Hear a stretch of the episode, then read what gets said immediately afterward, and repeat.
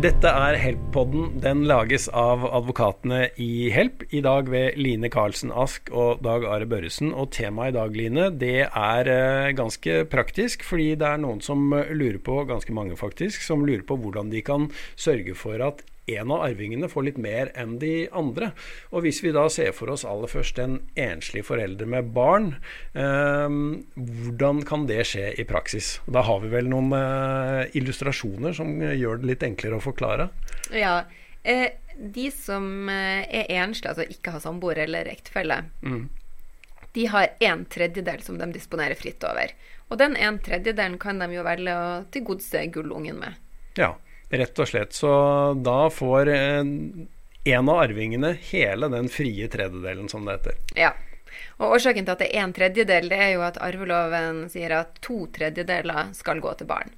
Så da har du en tredjedel som du kan disponere fritt over. Ja.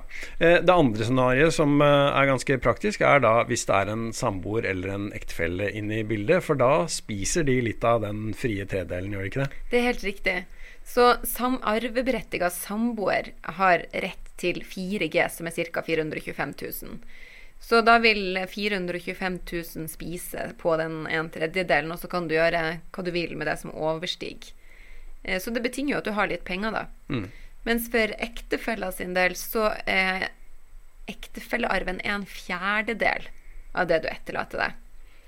Så da vil man, hvis man ser på brøk, så vil man som ektefelle med barn kun disponere fritt over en tolvtedel av det du etterlater deg. Ja. Mm.